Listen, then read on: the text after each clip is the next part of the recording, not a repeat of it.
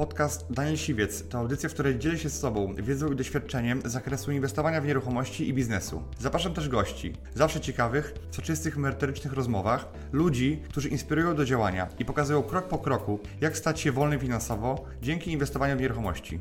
Posłuchaj ich historii, zastosuj modele działania, wykorzystuj narzędzia i uzyskuj podobne rezultaty.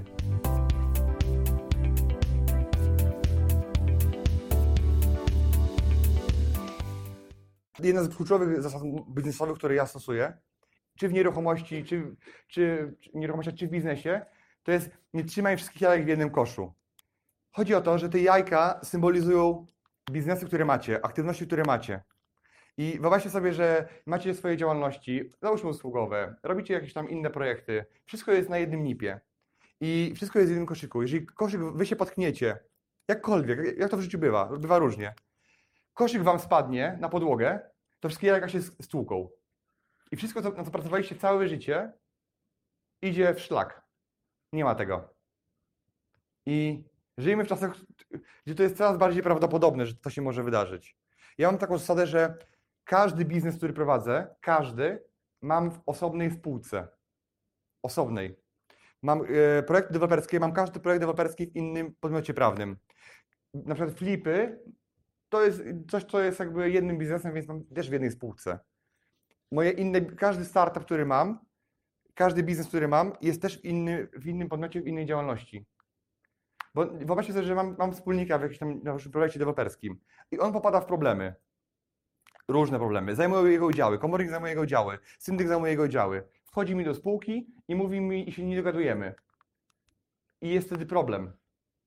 Ale to jest problem tylko i wyłącznie w tym biznesie, w tym jajku a nie w całym moim koszu. Czyli nie jest, tu nie ma naczyń powiązanych tak naprawdę i to nie jest uzależnione wszystko od siebie. I ja najbardziej, wiecie, lubię prowadzić biznes? Tu w Warszawie. To jest moje ukochane miasto biznesowe. Ale e, wiecie, e, nie dlatego, że... Znaczy, powiem wam dlaczego, może tak. Dlatego, że w Warszawie ja mam większość spółek porejestrowanych w Warszawie.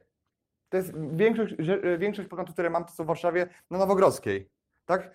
Najciemniej jest pod latarnią, po pierwsze. Tam przy siedzibie PiSu. Nie? Ale, nie, ale śmieję się, tak przypadkowo wyszło.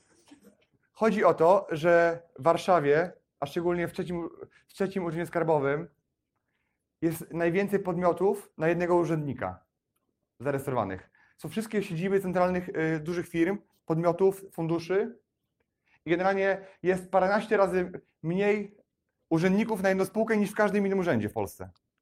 Dlatego prawdopodobieństwo kontroli jest, jest statystycznie mniejsze. Tu statystyka jest. Ja nie, ja nie miałem żadnej kontroli, dopóki nie, nie chciałem zwrotu VAT-u. Tak to generalnie jest tak. To jest jedna sprawa. Druga sprawa, jak chcę odzyskać VAT, kilkaset tysięcy złotych od Urzędu Skarbowego w Warszawie, to nie ma problemu dużego, bo problem jest zawsze, tak Nie ma dużego problemu. Jak chcę go uzyskać w, uzyskać w Lublinie, to generalnie jest, wiecie, jest wielka afera skąd te pieniądze wziąć teraz? Ja w Lublinie, y, w Warszawie robiąc milionowe obroty, jestem maciupki. Jestem szarą myszką niezauważalną, która przychodzi sobie poniżej radarów. W Lublinie jestem potentatem. Albo jestem kurą, którą można wyskubać. Tak? Która znosi złote jaja. Więc wie, wiecie, jak, jak, jakie są teraz e, dyspozycje. Tak. Druga, trzecia sprawa. E, jest też jakby się załatwia sprawy pewne. E, jest jakby większa kompetencja, też nie chciałbym nikogo obrażać w innych miejscowościach, ale jest większa kompetencja tych urzędników. Jakby jest jeden bardziej precyzyjny nurt, bo w małych skarbówkach często pani naczelnik ma różne inne zdania. A co nowa władza, to się zmienia pani naczelnik często. Dlatego ja bym wolał po prostu być w tym nurcie, który jest najbliżej ministerstwa, który jest najbardziej pewny, że tak powiem, interpretacja tych przepisów, a niekoniecznie e, gdzieś tam u siebie w Lublinie czy w innych miastach. I to samo też Wam e, zachęcam Was. I teraz ja rejestruję po prostu siedzibę spółki tam, gdzie chcę i tam, płacę, tam generalnie mam spółkę zarejestrowaną. Natomiast ja sam płacę swoje podatki i większość podatków, które płacę, płacę w Lublinie, lokalnie. Bo to są moje pity. Moje dochody z moich innych spółek, głównie osobowych. I ja większość pieniędzy, które płacę, Niestety, ale też y, mogę to sobie wybrać gdzie, to płacę w Lublinie. Tak jakby tak patriotycznie trochę, bo tam, tam jeżdżę po drogach, tam, tam mnie chroni yy, policja. załóżmy, i, i tam po prostu żyję. I, I co jeszcze, jeżeli chodzi o, o, o spółki, to jest dużo, dużo łatwiejsza opcja, żeby konfigurować biznesy. I, ale nie powiedziałem wam naj- najważniejszej rzeczy, tak? To odpowiedzialność. No, odpowiedzialność to jest coś, co po prostu, jak zakładam biznes, to wiem, że konsekwencją ryzykuję tylko tyle, ile jest kapitału w tej spółce. Tylko tyle. Tak, może być a, aż tyle też, ale to jest moje jedyne ryzyko. Ja nie ryzykuję czymś, co budowałem całe życie, nie kładę tego na szali po prostu. Bo wszystko jest gdzie, pokładane gdzie indziej. Wiem, że są osoby i są e, zawody, które nigdy e, nie mogą robić tego w ramach innych e, podmiotów niż inna swoja działalność. Na przykład notariusze, prawnicy, takie zawody reglamentowane, tak? To oni po prostu nie mają wyjścia. Muszą albo spółkę cywilną, albo ewentualnie inna swoja działalność. Ale większość działalności, czy większość firm można robić w ramach spółek ZO. I ja miałem, miałem pierwsze, pierwsze dwa lata biznesu, miałem działalność gospodarczą. I wiecie co? Ja już nigdy więcej nie założę działalności gospodarczej. Nigdy. Bo wyobraźcie sobie, że prowadzę biznes i mam ileś milionów obrotów, tak? I niech się, nie Boże, okaże, że źle, odprowadzałem podatek. I pójdę do sądu z urzędem skarbowym. To jak sądzicie, komu sąd dzisiaj przyzna rację? Mi czy, czy urzędowi skarbowemu? No jest duże prawdopodobieństwo, że tak będzie. Ja nie czuję się pewnie w tej walce. Dlatego wolę, żebyś powiedzieli, że moja spółka niech ma zapłacić ten podatek i stanie się niewypłacalna, niż ja i mój cały majątek. Względu na coś, na co nie mam w ogóle jakiegokolwiek wpływu. Coś, co dzisiaj jest nurtem podatkowym, albo co jest standardowe, jutro będzie yy, interpretowane odwrotnie. Dlatego ja jakby odradzałbym Wam też prowadzenie yy, działalności. Wydaje się, że jest najtańsza forma, najprostsza, ale nic bardziej mylnego. Bo jeżeli chodzi o spółki, to dzisiaj CIT spółki ZOO wychodzi na 15%. Kto słyszał, że ma być nowy CIT w 2019 roku? 9%. 9%.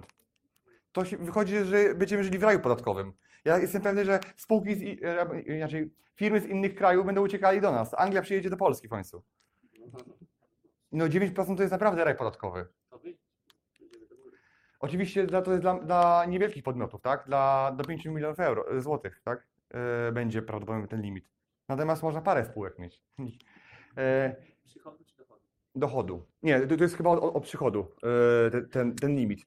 Natomiast ja mam takie zasady, że jakby ja płacę takie same podatki przy moich spółkach, które chronią mój majątek i moją odpowiedzialność, jakbym e, prowadził działalność gospodarczą. Identycznie płacę identyczny podatek.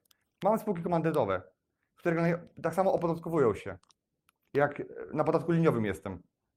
Teraz większość z Was, e, albo większość przedsiębiorców, wiecie, kto odradza prowadzenie spółek kapitałowych? Kto jest pierwszym, pierwszą osobą, której, której dzwoni przedsiębiorca i zapytać e, się, czy warto założyć spółkę? Księgowa. I wiecie, kto najczęściej odradza założenie spółki? Księgowa. Księgowa jest tą osobą, która w pewnym sensie pcha was tam, gdzie jej wygodniej często. Nie mówię, że każda księgowa jest zła, ale jak rozmawiam z przedsiębiorcami z Polski, to oni mówią, nie założyłem spółki ZO, ponieważ księgowa mi odradziła. A, a dlaczego? W większości przypadków jest tak, że księgowa robi tylko i wyłącznie uproszczoną księgowość, albo nie potrafi się, boi się i nie chce. Nie mówię, że tak jest zawsze. Bo znam przypadki, że, że tak odradzały, ale, to, ale prowadzą duże firmy. I, ale życie jest inne, uwierzcie mi. Nie jest takie jak, mi też moja księgowa mówi, Panie Danielu, Pan mi dzisiaj płaci na uproszczonej księgowości 300-400 zł, natomiast jak wejdziemy na pełną księgowość przy spółce ZO, to ten sam biznes będzie kosztował 1200. Ale dlaczego? Oj, bo ja mam dużo roboty. Teraz płacę za, tak naprawdę, nie płacę za spółkę nic, jeżeli ta spółka nie ma, nie ma żadnych faktur. Ja płacę za każdą fakturę. I płacę y, mojemu księgowemu z Poznania, którego nigdy nie widziałem na oczy, nigdy, poza Facebookiem, to płacę mojemu księgowemu 8 zł za każdą, za każdą fakturę. I jeżeli spół, tam minimalnie jest 50 zł. Czyli jak mam kilkaset faktur, to płacę mu kupę pieniędzy. Ale jeżeli mam kilkadziesiąt faktur albo kilka faktur, to płacę mu naprawdę mało. Raz w roku dostaję ode mnie pieniądze za sprawozdanie finansowe i jest uczciwa zasada. Jest robota, to zarabia dużo. Nie ma roboty, to przykłada, za przekładanie dokumenty dostaje grosze. Po prostu. I to jest jeden mit, który trzeba obalić. Drugi to jest te podatki. To niektórzy mówią, że w spółce ZO trzeba płacić duże podatki. No i fakt, jest teraz 15% CIT-u, który jak, się jeszcze, e, jak ktoś chce wypłacić pieniądze do prywatnych kieszeni, to musi zapłacić PIT od dywidendy. Natomiast jak zarabia, uważam, że do 200-300 tysięcy rocznie, to można w łatwiejszy sposób te pieniądze wyciągnąć do swojej kieszeni z jednym podatkiem. Wystarczy je sobie wypłacić z tytułu powołania członka zarządu, powołania prokurenta, powołania pełnomocnika bez ZUS-u. Z jednym podatkiem dochodowym 18%. Chyba, że ktoś przekroczy próg podatkowy 86 tysięcy. Dlatego jak ktoś zarabia 200-300 tysięcy, spółka ZO jest idealna. Jak zarabia więcej niż 300 tysięcy rocznie, czyli robi na przykład 8-10 flipów w roku, to warto jest po prostu przejść na spółkę komandytową. Ale tu już jakby nie będę poruszał tej struktury. No i trzecia sprawa to, yy, to jest trudność prowadzenia spółki. Powiedzcie, kogo z Was kiedyś namówiłem, to, to było u mnie na prowadzenie spółki jedna osoba? Ania, gdzie jesteś? Pokaż się. Ciebie też namówiłem. Nie ma Ani. Jest Ania, podnieś rękę, czego nie podaję. Tak, bo Ania na przykład była taką osobą, która mówiła, ale to jest trudne tak naprawdę. Wydawało się, że to jest trudne. A jest trudne teraz? Jest łatwiejsze niż się wydawało. W takim, że tam nie ma dużo dokumentów. Żeby kupić nieruchomość, to trzeba tylko podpisać uchwałę, w której jest wzór, tak? Wyrażam zgodę na zakup albo na, na zbycie. Tylko i wyłącznie. Tam nie ma nie wiadomo jakiej księgowości. Przedsiębiorcy, y, kto to w ogóle prowadzi spółkę pełną na pełnej księgowości?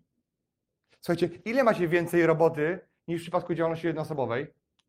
Tak samo się trzeba księgowej wysłać te dokumenty, tak? No niektórzy mówią, ale tu nie można nic zakombinować, ani konto prywatne, konto firmowe. No fakt, trzeba mieć dwa konta, prywatne i firmowe. Ja zawsze miałem konto firmowe, konto prywatne. I to nie jest, dla mnie nie bolało. Że mam jakieś wydatki kartą służbową, to traktuję to jako spłata pożyczki udziałowca automatycznie. Gdzie nie ma faktury jest ok. Nie? Albo jak zgubiłem fakturę, a zapłaciłem kartą. E, ok, jedźmy dalej. Czyli ja nie trzymam wszystkich janek w jednym koszyku i uwierzcie mi, znam wielu przedsiębiorców, którzy, którym to uratowało majątki ich życia. Tylko dlatego, że mieli je poukładane w różnych szufladkach. Inwestuj w siebie, to jest kolejna zasada i to jest moim zdaniem jedna z ważniejszych zasad, które chciałem Wam przekazać, bo ja zaczynałem inwestować w siebie od najtańszych możliwych form. Na początku kupiłem sobie jedną książkę, zainwestowałem tam parę, parę dyszek, natomiast później zacząłem ściągać audiobooki z chomika. Wtedy jeszcze były na chomiku e, i po prostu wgrywałem na płyty, wypalałem płyty i jak jeździłem w Polskę, byłem handlowcem, to katowałem te audiobooki, aż się płyty zdzierały. Znałem wszystkie na pamięć. Takie audiobooki e, rozwojowe, motywacyjne, które pokazywały mi, że wcale nie muszę całe życie robić na etacie. Tak, to Brian Tracy i jeszcze wielu tych amerykańskich y, różnych autorów. I to było coś, co, co, co było dla, dla, mnie taką dźwignią. I pamiętam, y, jak rzucałem pracę na etacie, mówiłem kierownikowi, mówię, masz tu takiego fajnego pendrive'a z audiobookami, też, wiecie, też rzucisz pracę kiedyś. No i mówię, dawaj co masz. I, I wiecie co? I generalnie e, on dalej pracuje na etacie, ale, ale zrobił dużą karierę, ten facet.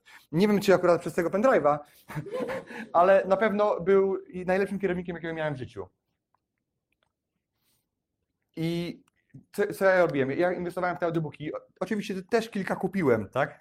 To nie jest tak, to nie jest tak że tylko ściągałem z internetu, tak? E, no ale to były czasy, w których nikt nie miał legalnego Windowsa, umówmy się. E, kto ma mojego audiobooka w ogóle? Okay. Mojego audiobooka, mojego. Książkę? Książkę w wersji audio, super. Co jeszcze? E, ja, gdybym nie inwestował własnych pieniędzy, własnego czasu też na początku w siebie i w swoją wiedzę, w edukację, w pakowanie wiedzy do głowy, to na pewno nie bym, bym tu, gdzie jestem teraz. Nie byłem w stanie zarabiać takich pieniędzy. Czyli ja pierwsze pieniądze jakby zainwestowałem czy to w szkolenia, czy to w książki, czy to w ogóle w obycie się z, z ludźmi z branży. I na przykład dzisiaj ja wpakowałem w swoją głowę kilkaset tysięcy złotych, parę mieszkań tam wpakowałem. Bo oczywiście robiłem to sukcesywnie, nie na dzień dobry wydałem wszystkie pieniądze, no bo to by było głupie, ale im zarabiałem więcej, im widziałem jak duży efekt to daje, to, to po prostu y, inwestowałem coraz więcej. Najdroższe szkolenie, na którym byłem, to kosztowało 50 tysięcy. I to jest jakby coś, co, gdzie przyjechałem z tego szkolenia, dostałem taki patent, w sensie wymyśliłem taki patent, na którym od razu zarobiłem 500 tysięcy. I nie spodziewałem się tego totalnie. Nie, więc jakby powiedziałem, że nie, no patrz, jest, było 50, jest 500. No i powiedziałem, dobra, miałeś rację, wyjątkowo, e, w, te, w tej inwestycji. E, a kto się z mną zgadza? Kto też jeździ i uważa, że warto w to inwestować? Super. Was, na pewno. I jeżeli dzisiaj nie chcecie dużo inwestować, to jest mnóstwo książek, dużo autorów, czy polskich, czy zagranicznych, gdzie tej wiedzy jest mnóstwo. Tylko trzeba po nią sięgać. Jest teraz, teraz jest inaczej, teraz jest na YouTubie tyle wiedzy polskiej, zagranicznej, że ja sam się uczę z YouTube'a, na przykład rzeczy, których nie wiem. Jak nie wiem czegoś, na przykład, to teraz już nie pisuję w Google, wpisuję w YouTube'a. Naprawdę. I to, i to jest coraz, coraz bardziej popularne. Kolejna rzecz to jest efekt synergii. Są ludzie na tej sali i są ludzie w waszych otoczeniach, które przy połączeniu z wami będziecie warci, dzisiaj jesteście warci jeden, ale z nimi będziecie warci 11. W najgorszym wypadku 3. Czyli to są osoby, które albo was napędzają, albo uzupełniają wasze know-how, uzupełniają, waszą czy osobowość, czy kompetencje też. I dzięki temu, że jesteście razem, to jesteście warci więcej na rynku i robicie lepsze efekty. Na przykład jest wiele małżeństw, które dzięki, tak, tak, tak prowadzą biznesy. Czyli na przykład żona bardziej prowadzi księgowość, mąż spotyka się z klientami, albo odwrotnie. Żona tam ciśnie z klientami, a mąż na komputerze w Excelu siedzi i ciśnie. I naprawdę te osobowości się uzupełniały. Ja jakiś miałem takiego wspólnika, który ten efekt synergii wykorzystałem. Ponieważ kupiłem kamienicę i mówię, kurde, parę lat temu nie, nie robiłem kamienicy jeszcze, to była ruina praktycznie. Wiecie, sypało się wszystko. Wsadzić na szpalec z cegły, a tam, wiecie, pr proch, nie? To była tego typu kamienica. I trochę się bałem generalnie robić sam, bo wiedziałem, że to zrobię, ale będzie to trwało dłużej i drożej. Więc co pomyślałem sobie? Znajdę wspólnika, który już tą drogę przeszedł. I powiem, słuchaj stary, kupiłem kamienicę okazyjnie, dawaj połowę kasy, wchodzisz w deala. No, wchodzę, bo kupiłem tak tanio, że się nie, nie opłacało nie wejść. I dzięki niemu ja zrobiłem to znacznie szybciej i lepiej niż to bym zrobił sam. Czyli on był takim jakby dla mnie partnerem do tego, żeby dzięki temu była ta synergia. Ja znalazłem okazję, wymyśliłem cały model biznesowy, jakby go wdrożyłem, natomiast on powiedział, on się zajął takimi technicznymi pułapkami, które czekają na właścicieli kamienic. Wiecie o co chodzi zresztą, tak? Co niektórzy. Nie, nie raz pewnie otworzyliście pewnego trupa w szafie, który siedzi. I tak jest w kamienicach. Dziękuję Ci, że wysłuchałeś do końca. Jeśli ten podcast był dla Ciebie interesujący, zapraszam do słuchania kolejnych odcinków. A jeśli chcesz jako pierwszy otrzymywać powiadomienia o nowych odcinkach, subskrybuj mój podcast.